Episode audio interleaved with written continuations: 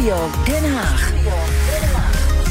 Nog minder dan twee weken tot de Tweede Kamerverkiezingen. En in aanloop daarnaar toe spreken wij steeds in de Daily Move met alle nummers twee van de lijsten. Ja, bij het CDA staat op plek 2 vaak een uh, partij prominent, traditiegetrouw. Maar nu toch een relatief onbekende kandidaat. Vorige verkiezingen nog op plek 23 en nu de nummer 2, dat is een hele sprong. Eline Verder van het CDA, welkom. Goedemiddag. Wat jammer dat ik geen partijprominent ben. Ja, 184 dagen in de Tweede Kamer, las ik. Ja, ja klopt. Nou ja. En wat niet is, kan nog komen, hè? Precies. Ja, precies. Ik ga, ik ga wel voor de, voor de long haul. Oh, dat, nou, dat noteren we meteen. Uh, die, die plek 2, hè, dat is bij het CDA toch een ingewikkelde plek. Want Pieter Omtzigt stond er ook ooit op. Mona Keizer was ook nummer 2. Allebei ja. weg. Blijft u wel? Ja. Ja, natuurlijk blijf ik. ik. En ik ervaar het ook helemaal niet als een ingewikkelde plek. Um, uh, ik vind het gewoon vooral heel erg leuk om met dit topteam uh, door het hele land te mogen crossen. Dus ik geniet ook heel erg van deze periode. Ah, en uh, u, u bent Kamerlid. U wil weer Kamerlid worden. Waarom? Waarom voor het CDA? Nou, ik, ik geloof heel erg in het verhaal van het CDA. Ik voel me daar thuis. Uh, ik herken mezelf uh, in de mensen die zich uh, inzetten bij het CDA.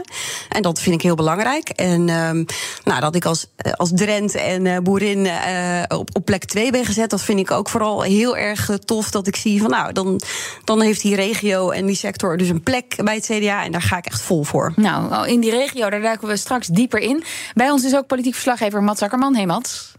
Hey, goedemiddag. Ja, bij het grote publiek is Eline Venner toch een onbekende. Waarom heeft het CDA haar op plek 2 gezet, denk je? Ja, nou ja, ze is de grootste stijger op de lijst, van 23 naar plek 2. Ze zit ook pas sinds mei in de Tweede Kamer. Maar in die korte tijd heeft ze wel twee behoorlijk belangrijke debatten gevoerd. Bijvoorbeeld die over de parlementaire enquête naar de gaswinning in Groningen. Nou, die kent ze ook zelf van dichtbij, uh, want ze komt uit Drenthe, waar dat ook speelt.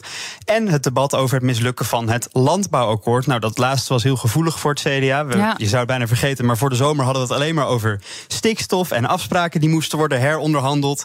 Nou, het CDA heeft dat steeds uitgesteld en uiteindelijk niet de stekker uit de coalitie getrokken. Ja, en toen deed de VVD het opeens wel. Ik las gisteren een interview met Eline Verder dat ze er niet rauw gemist dat het kabinet is gevallen. Maar ja, als we nu naar de peilingen kijken, het CDA staat weer net gisteravond op vier zetels. En dan ja, gaan ze waarschijnlijk de oppositie in. En dan wordt toch een beetje de vraag: hoe ga je je dan onderscheiden met een nieuw sociaal contract en een BBB die ja, toch verkiezingsprogramma's hebben die lijken op die van het CDA? Dus dat zou mijn vraag aan u zijn. Wat wordt het onderscheidende CDA-verhaal? Nou, zeker uh, lijken ze voor een deel uh, op het programma. Dat kan ook bijna niet anders. Uh, want ze komen natuurlijk bij ons uit, het, uit huis. maar er zijn ook wel echt verschillen te zien. Ehm, ik vind, zeker als ik dan even met mijn boerinnenogen kijk... dan zie ik echt wel verschillen in, in de zin dat NSC zit wat meer aan, aan de linkerkant. Heeft, heeft niet zo heel veel... Um, uh, enthousiasme voor de intensieve veehouderij bijvoorbeeld. Um, en in een BBB zie ik een partij die wel mooie one-liners uh, uh, eruit smijt als het gaat over stikstof. Uh, dat het een stikstofadministratieprobleem is bijvoorbeeld. Dan denk ik, ja, maar daar krijgen we de problemen wel echt niet mee opgelost. Um, en dat moet wel als we willen toewerken naar perspectief. Ja, maar u zei net, ja, ik voel me thuis bij de mensen van het CDA. maar een deel van die mensen is vertrokken naar NSC of BBB. Dus dan voelt u zich daar misschien ook wel thuis. Ja, ja, nee, maar nee, dit is, ik, ik, uh, ik geloof nog het allermeest in het, uh, in het originele verhaal. Um, uh, dus dat, ik heb eigenlijk geen moment gedacht van ik moet overstappen. Ik heb wel eens momenten gehad dat ik dacht, hmm, is dit verhaal, herken ik me er nog genoeg in? Maar dat is dan juist voor mij een extra reden om juist voor deze partij in de Kamer te willen. En mijn steentje daaraan bij te dragen. Om te kijken dat dat boerenverstand en dat regionale geluid gewoon goed te horen is. Nou, laten we naar dat verhaal, naar het CDA-verhaal gaan.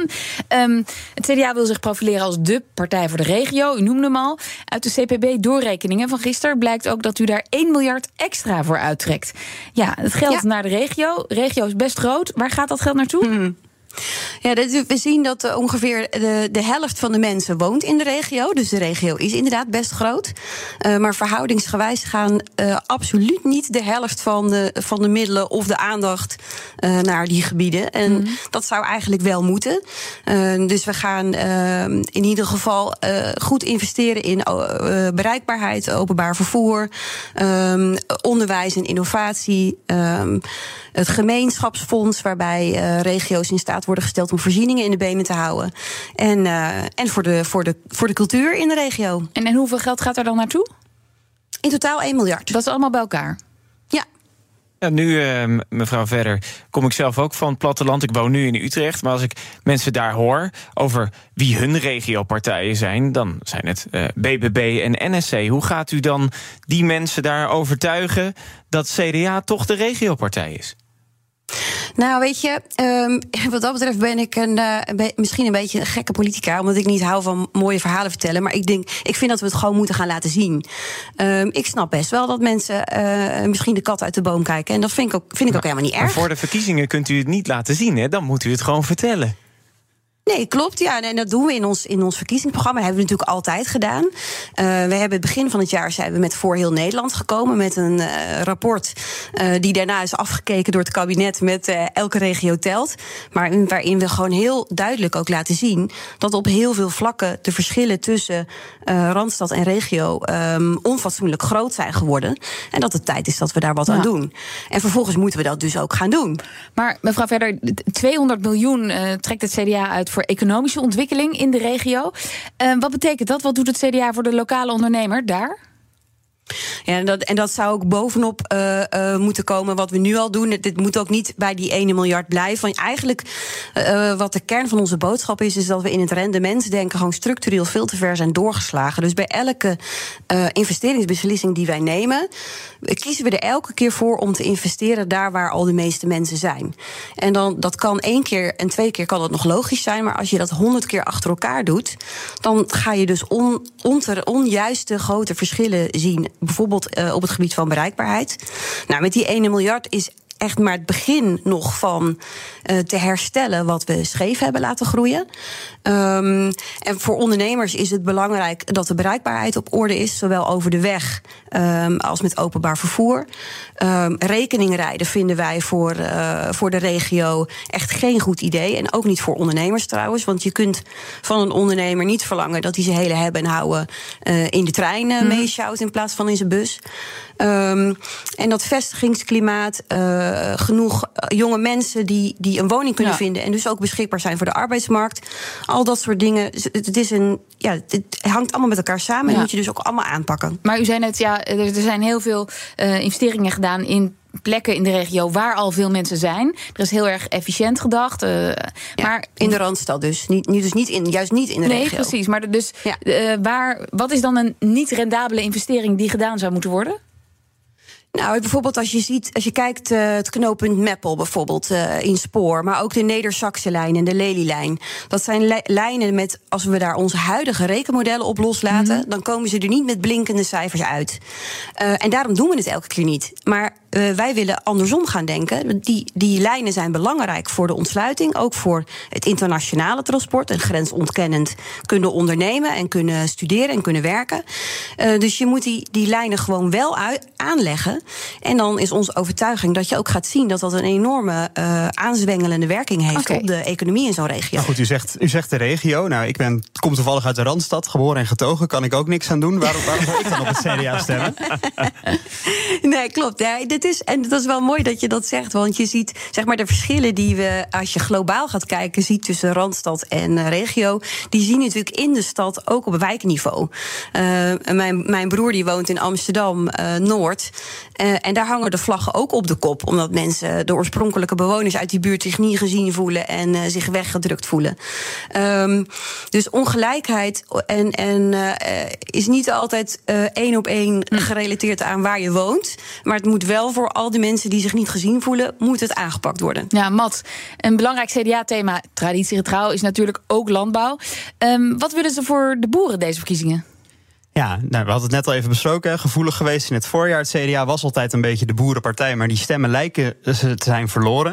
Ik heb nu even gekeken naar het verkiezingsprogramma. Nou, daar lezen we bijvoorbeeld dat er perspectief moet komen voor de boeren. Dat er alsnog een landbouwakkoord ah, weer uh, moet om de tafel. gesloten. Ja, weer om de tafel. Maar ik ben ook even naar de collega's van boerderij.nl gelopen. Die zitten aan de overkant van de gang hier. Ja, die zeggen toch, het is wel weinig concreet. Hè? BBB zegt weg met de stikstofdoelen. Kan je heel veel van vinden, maar het is wel concreet.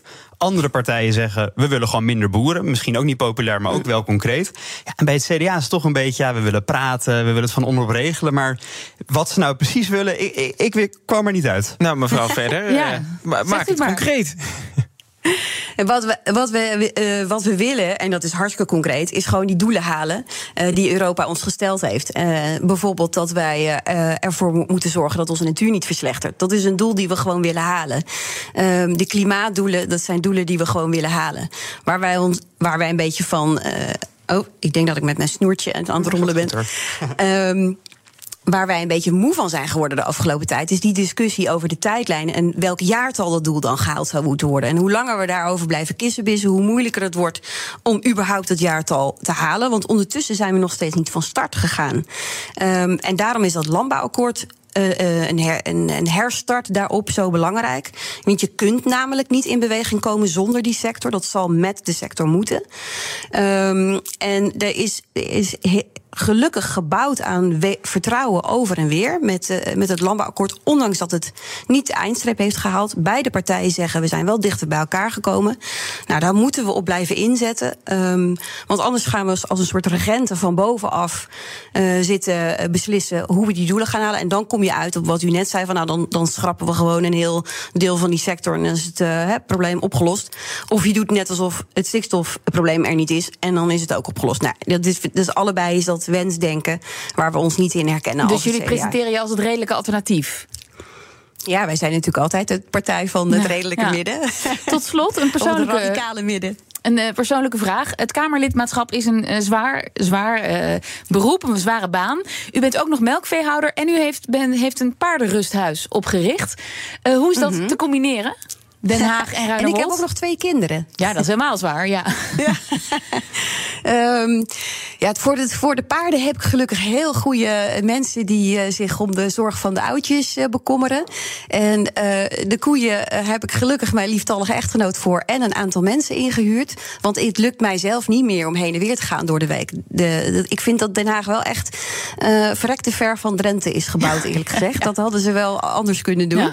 Ja. maar heen en weer rijden is geen optie. Um, dus dat betekent dat we, ja, dat we ook op onze boerderijen helpende handjes nodig hebben om het, uh, om het mogelijk te maken dat ik hier zit. Dus het is echt teamwork. En dat is ook weer werkgelegenheid, hè? Ja, ja klopt. Dank voor dit gesprek. Eline Verder, nummer 2 van het CDA. Succes nog in de campagne. En politiek verslaggever Mats Akkerman. Ook Bas van Werven vind je in de BNR-app. Ja, je kunt live naar mij en Iwan luisteren tijdens de ochtendspits. Je krijgt een melding van Breaking News. En niet alleen onze podcast Ochtendnieuws, maar alle BNR-podcasts vind je in de app. Download nu de gratis BNR-app en blijf scherp.